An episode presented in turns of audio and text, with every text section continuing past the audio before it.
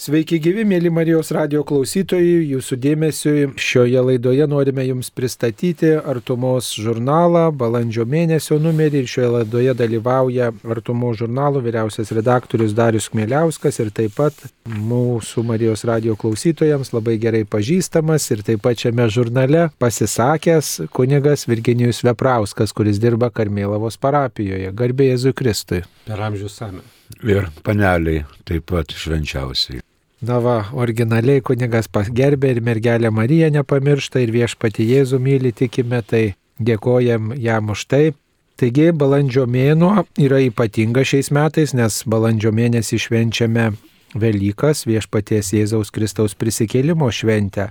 Gal dėl to ir žurnalo viršelį papuošė nukryžiuotojo Kristaus figūrėlė, ar taip? Ir taip ir ne, tai nėra vien tik tai nukryžiuotojo Kristaus figūrėlė. Mūsų dailininkė Silvija tikrai ieškojo tokią mėnesį, kuris prasideda, galima sakyti, didžiąją savaitę kančios, mirties ir, ir prisikėlimo šventimo, to pačiu ir, ir Velykų mėnesį. Tai šis vaizdas yra labai naujas, tai yra ukrainietės dailininkės prieš metus tapytas viešpatės kryžius, bet jis yra pagal labai seną ikonografinę tradiciją. Ikonografija, kuri labai senai pradėjo kryžių vaizduoti kaip sužydusi medį, kaip žydinti gražų medį. Tai yra tas, kas buvo mirtis, kas buvo, atrodo, visiškai na, negyva, nežydintis, staiga tampa žydinčiu. Tai yra ta tokia Kristaus prisikėlimo ikonografinė išaiška. Tai žinoma, kad ir ukrainietė dailininkė, ir tas šių laikų stilius, ir, ir tas sužydęs negyvas kryžius yra, na, tikrai kupini simbolikos, kurie, manau, ir skaitytojai pasigrožės, ir mes čia per radiją neperduosim to grožio. Taip, tai pavasariškas viršelis, pražydęs nukryžiuotasis, bet taip pat žurnalo įdomioji dalis yra ir straipsniai rašiniai įvairiais klausimais. Taigi skubame atsiversti 19 puslapį, kuriame interviu, pokalbis Jakono Dariaus Kmeliausko ir kunigo Virginijaus Veprausko. Taigi, kokia tema nusprendėte kalbėtis su kunigu Veprausku? Na, kaip matot, šita tema yra skiltyje arba rubrikoje sinodiškos bažnyčios link, tai yra mūsų na, kartu su bažnyčia koja kojon vis bandant eiti ir, ir neužmirštant, nepaliekant sinodiškumo temos, nes sinodas, kaip žinia, nesibaigia, o galima sakyti, tik prasidėjo ir tik įsibėgi, tai mes bandom kalbėti ir tom temom, kurios aptartos ir sinodė, bet dar labiau, kurios yra aktualios ir mums Lietuvoje. Ir žiūrėdami į tai, ką pavyzdžiui tos sinodinės grupės ir iš viskupijų Ir tas nacionalinis apibendrinimas, ką sako, kas vienas iš svarbiausių tokių aspektų apibendrintų ir tokia kaip pirmoji pastoracinė gairė buvo išskirta tame nacionalinėme sinodinės kelionės apžvelgime, toje sintezėje buvo kunigų ir pasauliečių, dvasininkų ir pasauliečių santykiai, jų bendra kelionė, jų susikalbėjimas arba ne. Tai vad, eidami šituo keliu, viena vertus, nes čia galbūt pasikalbėsime su Violeta Valantijūtė Vitkauskinė, kuri kartu su viskupu Poniškaičiu dalyvavo netgi specialiai tai temai skirtame kongrese Romoje ir, ir mums pasidalino šitame numerį ir mes ją atskirai pakalbinam. Violeta, sveikinam tave ir sugrįžus iš Romos. Ačiū. E, iš kokio tai labai įdomaus kongreso suvažiavimo ir įvykio. Tai tu pirmiausia mums pasakysi taip, bet dar labiau, kodėl, na, tu šitam artumos numerį vis tik tai sugalvojai ne tiesiog e, savo įspūdžius papasakot, bet tokius nemažus gabalus iš tos konferencijos dalyvius pacituoti, kas tiesą sakant mums pasirodė labai įdomus tekstas, tikiuosi ir, ir skaitytojams tai bus. Taigi pirmiausiai, kas tai buvo per įvykis? Buvo iš tikrųjų labai įdomus įvykis Vatikane, kur dalyvavo iš viso pasaulio viskupų konferencijų atsakingieji už pasauliečių reikalus tiek vyskupai ar kunigai, tiek pasauliečiai. Mhm. Tai iš mhm. Lietuvos dalyvavo vyskupas Arūnas Poniškaitis, jisai yra Lietuvos vyskupų konferencijos šeimos reikalų tarybos pirmininkas. Mhm. Ir aš. Čia turbūt galim paaiškinti irgi. Šeimos centro vadovė. Jo, kad čia turbūt, na, tokia artimiausia struktūra tai pasauliečių šeimos ir gyvybės dikasterija, ne, kur yra Vatikane, na, mūsiškai tai būtų ministerija, kuri apima ir pasauliečių, ir šeimos ir gyvybės klausimus. O kadangi mūsų lietuviškai struktūroje Lietuvos viskupų konferencijoje kitos e, nėra, kažkada buvus yra tokia pasauliečių taryba, bet, bet dabar yra mhm. šeimos reikalų taryba. Taip. Tai čia dėl to turbūt judu važiavote kaip tikrai taip. tos tarybos, šeimos reikalų tarybos pirmininkas ir jo dešinioji ranka. Ir buvo iš tikrųjų labai įdomus renginys, nes iš esmės ta konferencija yra apie pasauliečių ir dvasininkų pašauktųjų kunigų bendradarbiavimą. Aš kaip ir girdėjus buvau apie tą bendradarbiavimą jau daug ir nemažai ir tą bendradarbiavimą mes kasdien patiriam, bet nepaisant to buvo nu nepaprastai įdomus renginys, todėl kad tas bendradarbiavimas buvo aptariamas nu visais įmanomais aspektais. Jau atrodo tema išsemta ir vėl koks nors mokslininkas, pasaulietis ar, ar kunigas kalba ir vėl naujai nušvinta ta, ta mintis, tas aspektas aš kodėl į artumą rašiau ne savo įspūdžius vien, o daugiau citatų dėl to, kad mano įspūdžiai labai netikslus ir pagalvojau, kad gal čia reikia daugiau tikslumo. Ir aš išsirinkau pakomentuoti ar pacituoti du kalbėtojus. Ir, o dabar aš pasakysiu čia galbūt daugiau savo įspūdžius, nes nu, aš tai labai rekomenduoju skaityti artumą jau vien dėl to straipsnių, ypač tiem, kurie labiau darbuojasi bažnyčioje, ypač pasauliečiams. Ir be abejo kunigams, nes aš manau, kad kunigai irgi yra ir girdėję, ir žino, ir bendradarbiauja, bet vis tiek, nu tai gali būti ir impulsas, ir įkvėpimas, o gal ir toks truputį suerzinimas, nežinau, bet kas tai bebūtų, to tikrai reikia. Ir man labai patiko dikasterijos vadovo, prefekto tikriausiai. Taip, kardinolas. Kardinolas Farelas. Kevinas Farelas, taip. Jisai, kai pasakė pirmą citatą, tai taip jinai man ir skamba dar dabar ausise. Jisai kalbėjo, kad kiekvienas vyskupas ar kunigas prieš primdamas svarbų sprendimą būtinai turi pasitarti su pasauliečiais. Ir aš taip galvau, kaip įdomu, tai kurie čia tie sprendimai svarbus, kurie čia ne. Aišku, kiekvienam lygmenį ar parapijoje, ar viskupėje yra savaip svarbus, bet ta mintis pasitarti, kad reikia. Ir toks vokietis pranešėjas, aš pavardžiu atleiskite klausytojai, tikrai visų nesuminėsiu ir neminėsiu, bet jisai minėjo, sako, aš galiu jums paliudyti, ką reiškia nesikalbėti su pasauliečiais. Sako, mūsų, nu, Vokietijoje tikrai kunigai bendradarbiauja su pasauliečiais, bet ruoždami vienas jaunimo dienas, viskupijos lygmenyje nepasitarė su pasauliečiais, sugalvojo giesmių, sugalvojo maldų ir jaunimas nesuprato. Ir jaunimas nesuprato. Tai visa to pasitarimo esmė su pasauliečiais kunigų yra, kad tie pasauliečiai suprastų, ką jie nori pasakyti. Nes visoji to konferencijoje buvo akcentuojama ir kalba, pasaulietinė kalba, kad mums ji turi būti aiški. Man dar atrodė labai svarbi mintis, kai kalbėjo, kad labai svarbu pasauliečius gražinti nu, į jų vietą ar net į centrinę vietą ir pasigilinti, kas iš tikrųjų yra svarbu pasauliečiams, kokie jiems aktualiausi klausimai, kokiu atsakymu jiem reikia, apie ką jie nori kalbėtis. Ir kai aš pagalvoju apie mūsų ar pirmos komunijos tėvus, ar sutvirtinimo tėvus, kuriuo, nu, sakykime, jau ir net lydytų vaikų, ar krikšto sakramentą, aš galvoju, tai yra, nu, tokios galimybės, kai tėvai ateina iki mūsų, į ką mes jiems sakom, nežinau. Įvairiai sakom, tikriausiai pagal galimybės, nes kai kur perpildyta tų tėvų ir vaikų, kai kur trūksta. Bet toj konferencijoje kalbėjau apie tai, kad, nu, tai gali būti galimybė atmušti tuos tėvus ilgam nuo bažnyčios arba pritraukti. Ir toks vaizdas, kad pritraukti ragina, kviečia ir primena, bet šitos konferencijos pranešėjai, sakydami, klausykitės tų žmonių, paklauskit, kas jiem įdomu yra ir svarbu. Ir aš pagalvoju, kad nu to nėra per daug Lietuvoje tikrai, to gal yra net ir labai nedaug, kad iš tikrųjų būtų klausama pasauliečių ir klausomasi. Negana to, Ospino pranešėjas iš Bostono, iš Junktinio Amerikos valstijų, jisai minėjo, kad labai reikia, kad pasauliečiai rašytų apie kokią bažnyčią jie svajoja, kokią bažnyčią jie norėtų matyti, kaip jie mato pasauliečių vaidmenį. Nes pasauliečiai patiria tą, ko nepatiria kunigai ir vienuoliai darbuodamiesi bažnyčios laukuose, o pasauliečiai gali pasiekti ir pasiekia tas vietas, kur kunigai nepasiekė. Ir jie nuneša gerąją naujieną, Evangeliją ten, kur kunigai net negali nunešti, tai būtų ir ten ir automobilių kokias tai dirbtuvės taisyklas ir į ligoninės. Taip, kunigai ateina sakramento suteikti ligonio patepimo, bet kiek reikia bendrystės ar paguodos ar supratimo, tą daro pasauliečiai. Ir esmė yra tokia, kad mums vieni kitų mirtinai reikia, kad mes turim tokiom naujom akim vieni kitus pažvelgti ir kad tiek kunigai turi adaptuotis, tiek pasauliečiai turi adaptuotis, nes nei vieni nėra aukštesni už kitus, nes krikštas mus vieni ir veda tą pati šventoji dvasia. Negaliu sustoti. Nuostabu. Aš dar tik tai irgi vat, užmečiau akiną, tu turi ten cituoji tokį popiežiškojo Švento kryžiaus universiteto rektorių, Taip. profesorių. Luis Navarro, Taip. e, kokios tai ispaniškos kilmės matyti, kuris pradeda savo pranešimą nuo skaičių, nuo statistikos, ar ne? Ir tas labai Taip. įspūdingai suskamba, kada, Taip. e, na, čia aišku, 20 metų, prieš dviejus metus duomenys, iš milijono 360, ne, ne milijono, atsiprašau, milijardo Milijardo. 360 milijonų katalikų pasaulyje. Atspėkit, gerbimi klausytojai, kiek sudaro pasauliečiai. Tai tas, ar tu rasit tikslius skaičius, kuriuos cituoja Violeta iš, iš to pranešimo popiežiškojo universiteto rektoriaus.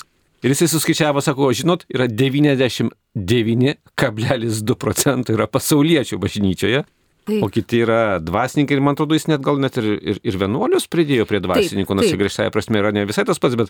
Ir, bet, ir diakonus tai, nuolatinius. nu, tai taip, diakonai irgi ten turėtų būti prie Taip. dvasininkų. Tai, tai reiškia, na, absoliuti visiška dauguma yra pasauliečių ir, ir jisai nuo to pradėjo, ar ne, kad, Taip. kad, kad jų balsas turėtų būti girdimas.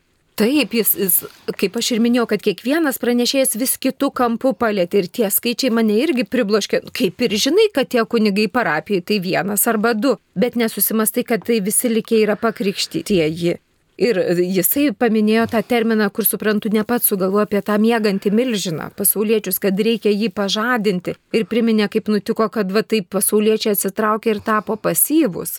Tai tikrai rasite tam tekste, mėly artumo skaitytojai. Ir aš galvoju, kad va tas pažadinimas ir vyktų tada, jeigu kunigas susidomėjęs pasiklausytų pasauliečių. Pavyzdžiui, jeigu pasauliečiai sako, nu mūsų kaime, jeigu mišios yra 13 val. per pačius pietus, gal galima jų laiką pakeisti, tai kaip būtų smagu, jeigu klebonas sakytų, nu palaukit, pagalvosim ir gal tikrai pamatytų, kad gali tą laiką pakeisti, nes tai yra klausimas apie šeimas. Ir vad klausimas, kiek tos šeimos yra pažįstamos, ką reiškia visiems susėsti prie pietų stalo arba laiku nueiti į bažnyčią, laiko ateiti, jeigu mažesni vaikai, kaip jie alki išlaiko ir panašiai ir panašiai. Nu yra tokių niuansų, kur aš pavyzdžiui labai džiaugiuosi popiežium Pranciškui, aš mačiau, kaip jisai ėjo ir laimino šeimas, būtus šventino, popiežius pats, čia prieš eilę metų. Ir žinot, kaip namuose būna, netvarkinga kartais ar dažnai.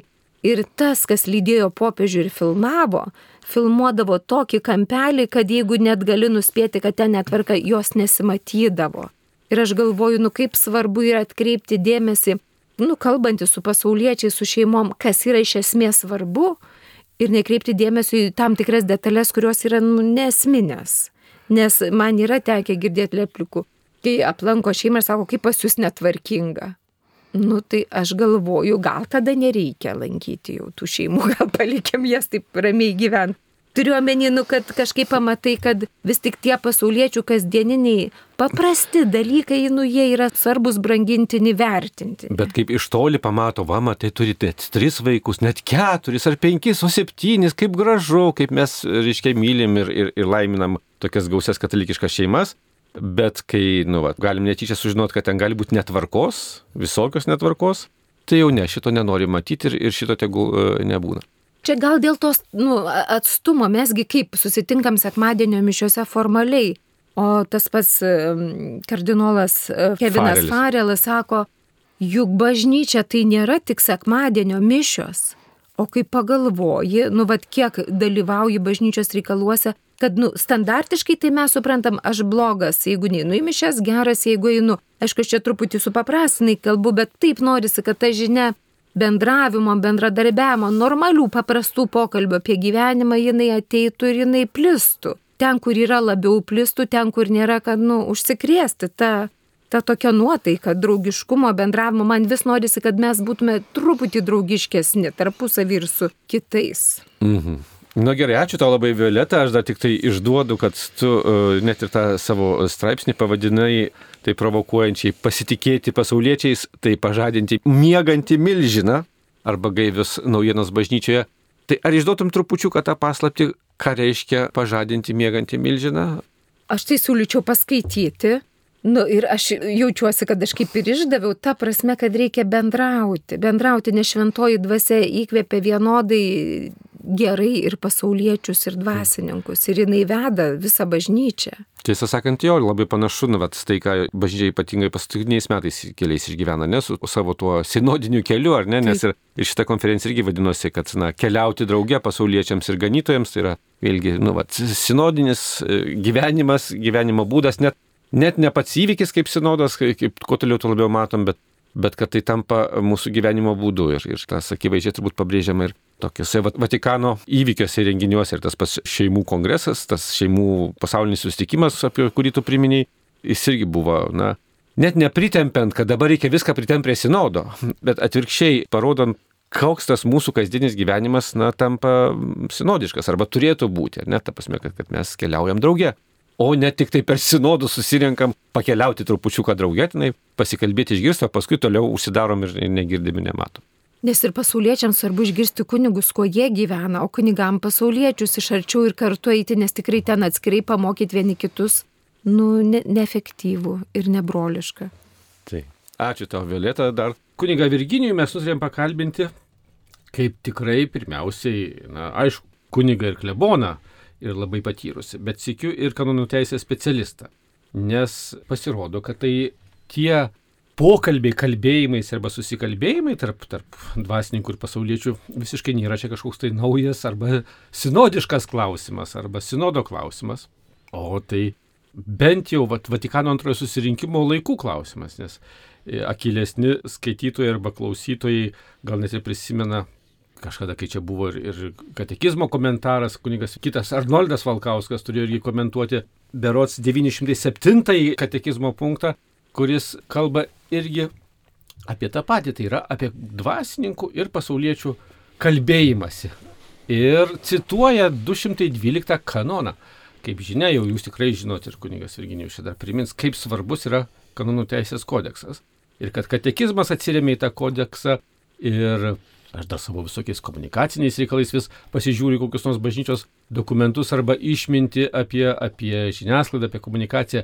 Ir tenai cituoja tą patį 212 kodeksą, kuris kalba būtent apie tai, kad pasauliečiai gali, o kartais net ir privalo pasakyti savo nuomonę, tai yra kalbėti su dvasininkais, su viskupais, kunigais.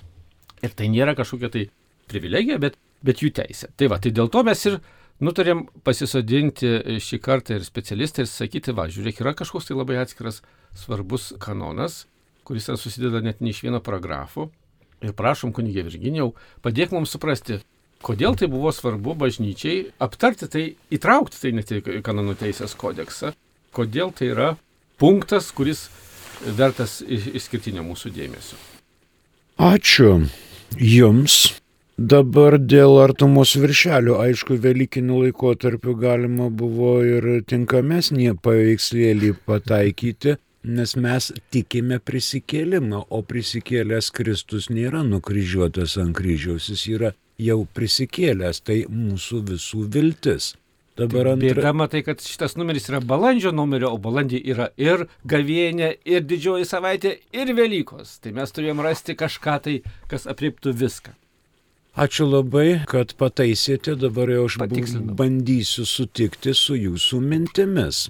Kitas dalykas, kanonų teisės kodeksas dabartinis yra patvirtintas 1983 metais, didelė dalis jau yra kanonų pakeista laikas nuo laiko, bet mes galvojam, kad šita redakcija 83 metų dar yra vis tik tai galiojanti. Mes tada augome, žinoma, prie Paltaroko katekizmo, kur buvo surašyti poterėliai. O dabar jau turime sąsajas su katalikų bažnyčios katekizmu, kurį paruošė kardinolas Ratzingeris ir patvirtino šventasis Jonas Paulius II. Žodžiu, iš kanonų teisės kodekso išsivystė ir dabartinis katekizmas, kuris deda didelės pastangas, ypatingai po Vatikano antrojo susirinkimo, kad būtų susišnekėjimas. Minėtas sinodinis kelias yra bažnyčiai savastis, tai yra sena idėja. Nuo pat pirmųjų krikščionybės amžių sinodai vykdavo, kai tardavosi kunigai ir pasauliečiai. Tardavosi, šnekėdavo. Dabar mes tą jūsų paminėtą 222, jisai 212, 212 mes randame visų Kristaus tikinčiųjų pareigose ir teisėse. Neatsitiktinai pirmiausia buvo tikinčiųjų pareigos. o po to ir teisės akcentuojamos, kad tikintieji gali, o kartais ir privalo pasakyti ganytojams tas mintis, ko ganytojai dar neišmastė, nesupranta arba nepastebi. Tai kai e, gali, tai tada suprantama, bet kai privalo, gal reikėtų čia paaiškinti žmonėms.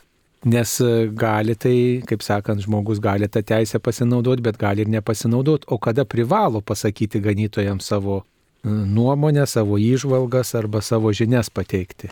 Privalo būtent sinodinis kelias. Kada privalo. Bažnyčia kviečia ateiti tikinčiuosius į sinodinį kelią Ir jau praeitais metais mūsų parapijose buvo kviečiami visi tikintys, netikintys, ateistai, musulmonai, evangelikai, žydai, tai yra mozės išpažinėjai, visi te ateinie į bažnyčią ir pasako savo nuomonę. Bet kokią. Ar jūs čia visi minkšti, apvalūs, pukuoti, švelnus ir balti, Ar jūs čia visi gaidžiai nedarote to, ko reikėtų daryti, o mes matom, kad bažnyčia turėtų tokia būti arba anokia, tegul pareiškia nuomonę. Visiems buvo sudarytos sąlygos ateiti ir pasakyti, aišku, be įžeidimų. Kritika bažnyčia priima. Tačiau kritikavimas be konstruktyvaus kelio, be nurodymo, kaip geriau daryti, Tai yra paprasčiausias tyčiojimasis iš bažnyčios. Bažnyčia to nepakenčia. Bet bažnyčia mielai gali ir nori išklausyti, ką ji daro ne taip, ką pasauliečiai galėtų matyti, kokiu keliu turėtų bažnyčia eiti. Tai vad buvo kiekvienoje parapijoje. Galėjau eiti bet kas ir sakyti. Mes norim to. Tik tai daugiausiai susiveda tos mintys į bažnyčios ne kaip religinės institucijos veiklą, bet į bažnyčios kaip socialinės institucijos veiklą. Bažnyčia norima kartais padaryti socialiniu institutu, kad teiktų paslaugas. Žodžiu, žmonės yra paslaugų gavėjai, o kunigai yra paslaugų teikėjai. To niekada nebus. Bažnyčia yra bendruomenė, kuriai mažiausiai lasteliai parapijai vadovauja kunigas. Ir pasauliečiai gali drąsiai ateiti ir pasakyti, mes norim to, mes norim šito, mes norim ano. Tada klebonas gali sakyti, mielai ateikite. Jeigu jūs norite, ateikite. Pabandykite išprosyti bažnyčioje kamžas, pabandykite sutvarkyti bažnytinių vėliavų kaspinus, sutvarkyti žibintus, įstatyti naujas žvakės procesijoms, išveisti tribulį, indus vandeniui, parūpinti komunikantų, pasirūpinti horizontaliųjų bažnyčios paviršių švara ir taip toliau. Mielai, dabar artėja Velykos arba artėja atlaidai. Paimkite žoliapjovę, nupjaukite šventorių, tai bus labai didelis darbas, kurį jūs atliksite parapijai. Tai čia, gali, tai čia gali, bet ką privalo pasakyti. Pavyzdžiui, jeigu kažkas atsitinka ir parapijoje ir kada ta pareiga yra pasauliečiams informuoti ganytoje apie padėtį, apie, nežinau, situaciją parapijoje ar bažnyčioje ar dar kažkur. Kada yra ta pareiga? Kažkas atsitinka panagrinėkime, kas yra žodžiai jūsų ištarti, kažkas atsitinka.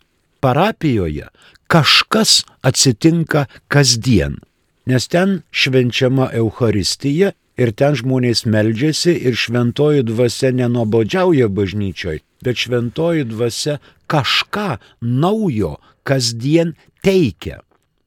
Ir va šitas kažkas, kas atsitinka, klebonas aiškiai reaguoja. Baigėsi gesintuvų laikotarpis, garantinis. Klebonas kviečia parapiečius. Gal galit surinkti ten 20-30 gesintuvų už parapijos, nuvežti patikrai, kad gaisrininkai neprisiknisinėtų. Prašau, gali. Vėl kažkas atsitiko. Susvilo laidai. Viskas, aliuminiai laidai tarybiniai keičiami, variniai laidai dedami. Kažkas atsitiko. Kas dar galėjo atsitikti? Ko dar klebonas ar vyskupas nemato savo vyskupijoje? Kažkas atsitiko. Popiežius parašė apaštalinį paraginimą, pavyzdžiui, Amoris Leticija. Ar parapiečiai perskaitė šitą posinodinį paraginimą? Ar jie sutinka su popiežiaus mintimis? Galbūt jie pradės purkštauti ir sakyti, va šitas sakinys ar šitas septintas skyrius mums nepatinka. O aš tai drįščiau truputį kitaip interpretuoti šitą kanoną. Jeigu mes jau cituotume mintis to kanono, kada yra ta pareiga pareikšti išventintiesiems ganytojams savo mintis apie tai, kas liečia bažnyčios gerovę, laikydamiesi tikėjimo bei papročių grinumo bei pagarbos ganytojams. Na, žodį liečia gal reikėtų redaguoti, bet tiek to. Tai, sakyčiau, galbūt pareiga būtų pareikšti savo mintis, kai yra tikrai, pavyzdžiui, kažkoks tas įvykis, kuris, na, sakykime, greuna parapijos tradiciją, sakykime, atėjo naujas kunigas į parapiją ir jisai, pavyzdžiui, nenori renkti Velykų procesijos, nenori palaikyti, sakykime, tos nusistovėjusios tvarkos, kuri ten buvo, sakykime, atlaidų organizavimo papročio, kuris ten yra. Ir tada galbūt yra pareiga tokiu atveju pranešti dekanui, pranešti klebonui, kad ne, tokia, tokia čia pas mus tradicija buvo ir ją prašom tęsti. Ar taip negalima šito kanono interpretuoti? Būtinai. Būtinai, kunigė programų direktoriau, būtinai šitaip reikia. Kaip galima atsisakyti senųjų tradicijų, senųjų procesijų, senųjų, reiškia, gerų minčių apie verbų šventinimą, ne tik tai su šventintu vandeniu, bet ir su tribuliu, apie šventos agotos duoną, apie blažėjaus žvakes ir taip toliau. O jeigu, pavyzdžiui, sakykime, klebonas nesilaiko bažnyčios drausmės, arba taisyklių, kurios yra nu, privalomos, sakykime, visiems kunigams, ar tada yra pareiga parapiečiams pamačius, kad štai kunigas nesilaiko kažkokios tvarkos pranešti apie tai jo vyresniesiems? Būtinai. Dekanas tiesiog sėdi savo dekanato kėdėje ir nenustyksta. Galgi iš kokios parapijos ateis koksai nors stuktelėjimas ir sakys, o mūsų klebonas nedarė Velykinės procesijos. Tada dekanas skambina klebonė, kodėl tris kartus nenešė monstrancijos aplink bažnyčią. Klebonas sako, pažiūrėk dekanė į orą, pustė sniego vėjas. Gali išeiti su visom vėliavom ir kamžom. Kas jas po to skalbs? Ar vyrai tokie stiprūs, kad išlaikys vėliavas? Baldakimas bus permirkęs ir tada reikės visą mėnesį samdyti grupę Zonder komandos, kuri sutvarkytų visus šituos reikalus. Tai vienas aspektas. Kitas aspektas - žmogus ateina į parapiją, dabar kuris jau turi didelę patirtį televizinių reklamų. Per televizijas labai kokybiškos laidos, kur yra daug judesio, daug garso, daug spalvų. Ir jis ateina čia pažiūrėti reginio. Deja, parapinė šventė nėra reginys, yra dalyvavimas. Todėl jeigu prieš rezurekciją be penkių minučių mes ateiname ir norim, kur čia yra įsireikiavusi procesija, kad mes taip matytumėme ir filmuotumėme, kaip čia gražiai viskas atrodo, tai taip tikrai nebus. Bent pusvalandį prieš procesijas žmonės renkasi į bažnyčią ir sako, klebonė, mes su vaikais, va vyras gali vėliavą panešti, aš su tautinės kaspinėlį laikau, mano vaikučiai, berniukai skambina skambučiais, o mergaitės barsto gėlytes. Mes galim šitą. Ir klebonas tada sako, mielai, prašom, viena šeima, antra šeima, trečia šeima, jūs dalyvaujate ne renginyje, bet jūs dalyvaujate religinėme veiksme. Jeigu dar galėčiau pridurti, kunigas Virginijus čia mums tekste, šitame pokalbėje primena irgi labai svarbų dalyką, pavyzdžiui, kad šito kanono punkto dalis, viena kurios iš vis nebuvo ekstensinėme kodekse, kuri tik dabar atsirado šitam 83 metų. Tai yra antroji dalis, kuri sako, kad tikintieji turi teisę pareikšti bažnyčios ganytojams savo poreikius, ypač dvasinius, bei norus, savo norus. Ne? Kad vis tiek tai pirmiausiai kalbama apie, apie dvasinius dalykus, ne tik apie gesintuvus, kurie yra labai svarbus, nes be jų galima ir sudegti, bet ir apie dvasinius dalykus, apie tai galbūt, nu, kas nėra vien taip labai būtiška, bet kartais gali būti ir būtiška. Pavyzdžiui, pamaldų laikas. Ar jisai derinamas pagal parapiečių galimybės, ar pagal kažką kitą. Tai, nu, man atrodo, irgi yra svarbu, kad, kad čia yra kalba ir apie tas kompetencijas, ne kaip buvo kitam punktė paminėta, kad ypač pagal savo kompetencijas, kurias turi tie tikintieji pasauliečiai. Ir kas dar svarbiau, ką pabrėžia čia tekste toliau kunigas Virginijus, kad, kad visa tai remiasi iš to, kad mes per krikštą ne, esame įtraukti į tą visuotinę arba karališkąją kunigystę. Tai yra, kad mes esame visi vienodai atsakingi už tą bažnyčią. Ir netgi tas jūsų klausimas, kunigė Sauliu, kur, na gerai, mes galim e, pareikšti savo nuomonę, sako šitas, bet kai kada ir privalom. Aš manau, kad mums buvo labai svarbu pasižiūrėti šitą irgi kanoną ne tik to, kur privalom, bet kad ir galim. Nes labai dažnai mūsų bent jau lietuviškai katalikiškai bendruomeniai mes dar iš šito punkto nežinom, kad mes galim. Ir tą aš galiu, va, ir tą primenu, mes čia tam pokalbėje su kunigiu Virginijum irgi tą prisiminėm, kad ir aš dažnai susilaukiu iš va, kokių gerų dušių parapiečių, kokiu nors prašymu, ai tu ten arčiau, žinai, kunigų viskupų, eik pasakyk, vad ką nors va šitą, sakau, klausykit. Jūs eikit ir darykit. Ir kunigas Virginijus čia tekste papasakojo, kaip jūs tai galite padaryti, kokiais momentais, kokia tvarka. Ir tai va, labai man atrodo svarbu dėl to mums tai išgirsti, kad yra ir, ir galimybė, nes mums atrodo dažnai, kad tai nėra galimybės, neįmanoma. Kunigas Virginijus net papasakojo, kaip galima papulti ir pas viskupą, ir pas dekaną, ir pas kanclerį. Ir kad kartais, na, tikrai tai yra ir, ir jau paskui atsakomybės klausimas. Jeigu, jeigu sako, bažnyčia, kad privalo, tai reiškia ir, ir, ir tam tikrą atsakomybę uždeda. Tai šita prasme yra labai, man atrodo, svarbu irgi pasiskaityti šitą tekstą, kuriam kunigas Virginijus labai ruošėsi ir tam labai nuodugniai mums atsakė. Ir mums tikrai svarbu priimti domint, matant, kas šiandien vat, vyksta, ar ne? ne? Ne tik formaliai, kad mes čia, žinai, apie sinodą ir padedam varnelį, bet apie tai, nu, vat, kuo kvepuoja bažnyčia. Jo labiau, kad, kaip čia buvo sakyta pradžioje, kad tas, vėlgi, kanonų teisės kodeksas, tas naujasis 83 metų gimė kada? Po Vatikano antrojo susirinkimo, iškiai gyvendinant jo tą dvasę ir visą visą na, nutarimus ir, ir, ir jo raidą.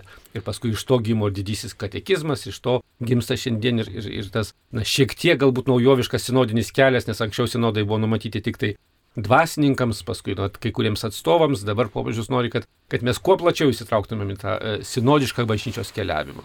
Ačiū. Gerai paminėjote, kad reiškia ypač dvasinius dalykus. Norint pajusti dvasinius dalykus, tarkim kaip pamaldų laiko kaitą ir panašiai, reikia visuomet turėti prieš akis, kad žmogus privalo įsigyti, išsiugdyti savyje katalikišką pasaulyje žiūrą.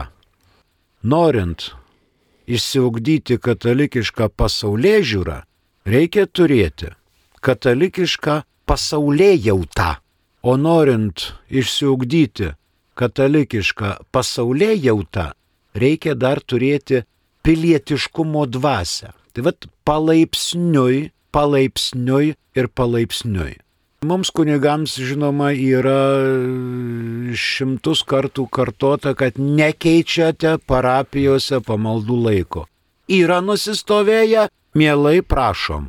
Eklebonas užsimanė, reiškia, paprastai pamaldos 8, o jisai kokį šeštadienį padaro 6 valandą ryte pamaldas, pusę šešių, reiškia, ryte.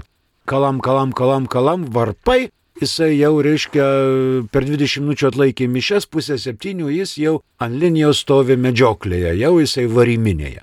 Tai tokių dalykų ir sidarkimų tikrai nėra, tai parapiečia nelabai, nelabai pakes, sakys, mes užsakėm ten šeštadienį mišes 10 ar 12 val. O čia klebonas ir, reiškia, su šautuvu zuikius gainioja, kubilo būdu medžioja. Vat ir taip toliau ir be vyskupo leidimo nekeičiamos valandos. Jeigu parapiečiai inkščia, kad autobusas nukeltas ne tuo laiku, mes nespėjom 10 valandai, mes norim, kad pusę 11 arba 11 būtų pamaldos. Gerai tada klebonas rašo peticiją, ekscelenciją, šitoj parapijoje žmonės nebesusirenka 10 valandai, darom pamaldas pusė 11. Vyskupas to nesužinos, jeigu žmonės nepasakys klebonui, ne, nepaprašys. Žinoma. Klebonas paprašys vyskupą ir vyskupas tikrai leis. O jeigu jau neleistų šito momentu, tai tikrai nusižengtų 212 kanonų teisės kodekso straipsniui.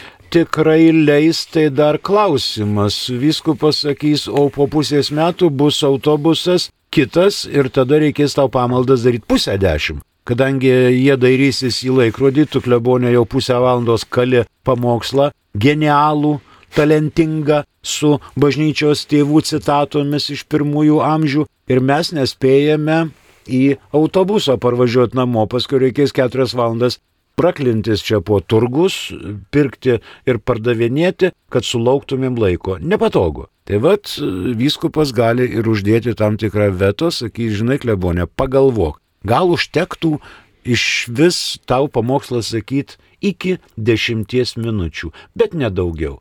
Ir po to nepamiršk ypatingai sekmanį sugalbėti tikiu į Dievą tėvą, kad žmonės žinotų ir nesusviruotų jų tikėjimas po tokio karšto ir ugningo pamokslo. Tai ypatingai dvasiniuose dalykuose. Taip, jeigu klebonas užsibūna parapijoje su ilgais pamokslais, jeigu klebonas nedaro šventinimų, nelaiko mišių, neteikia palaiminimų, sakramentų, tai aišku jau yra žala ir gali žmonės pagrįstai skūstis.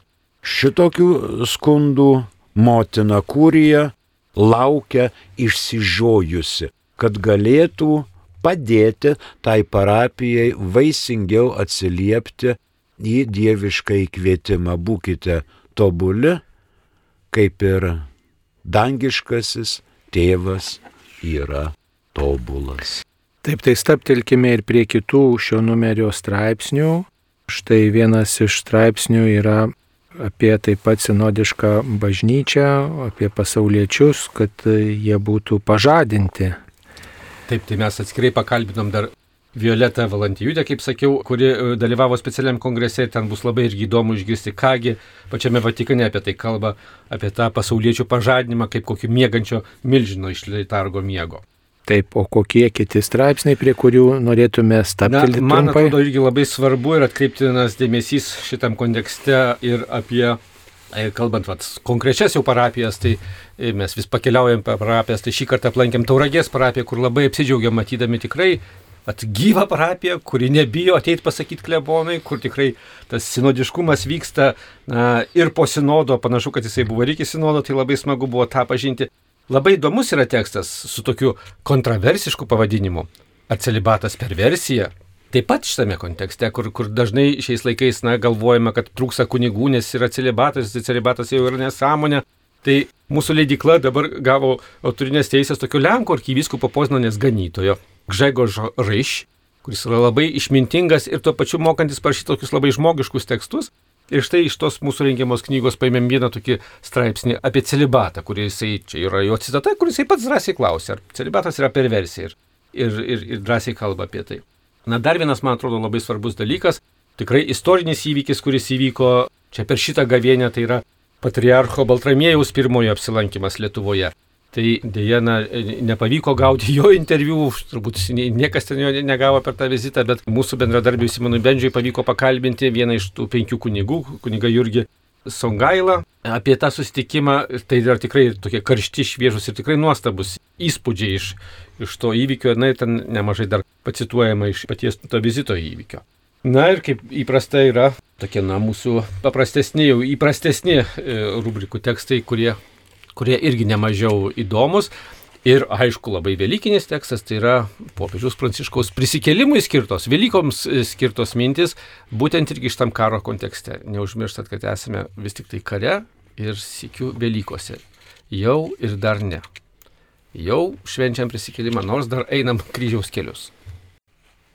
Taigi, mėly Marijos radio klausytojai, kviečiame skaityti Artumo žurnalą, kuriame rasite įvairiausių straipsnių tikėjimo klausimais ir kartu galimybė tikėjimą pritaikyti savo gyvenime visada atsiveria mums, skaitant straipsnius ir skaitant konkrečias žmonių istorijas ir taip pat tai yra kvietimas pagalvoti, o kur mano gyvenime Dievas veikia ir kaip aš galiu jam atsiliepti. Šioje laidoje dalyvavo Artumos vyriausiasis redaktorius Darius Kmiliauskas, interviu šiame numeryje davęs kunigas Virginijus Veprauskas, taip pat e, Lietuvo šeimų centro vadovė Violeta Vitkauskenė, laidą vedžio aš, kunigas Saulis Bužauskas. Ir dar aš išduosiu po skriptum, ką kunigas Saulis Bužauskas tikrai neišduos, kad šitame numeryje irgi yra specialus straipsnis apie paskirtojo vyskupo Sauliaus Bužausko gyvenimą, apie jo kelią į pašaukimą.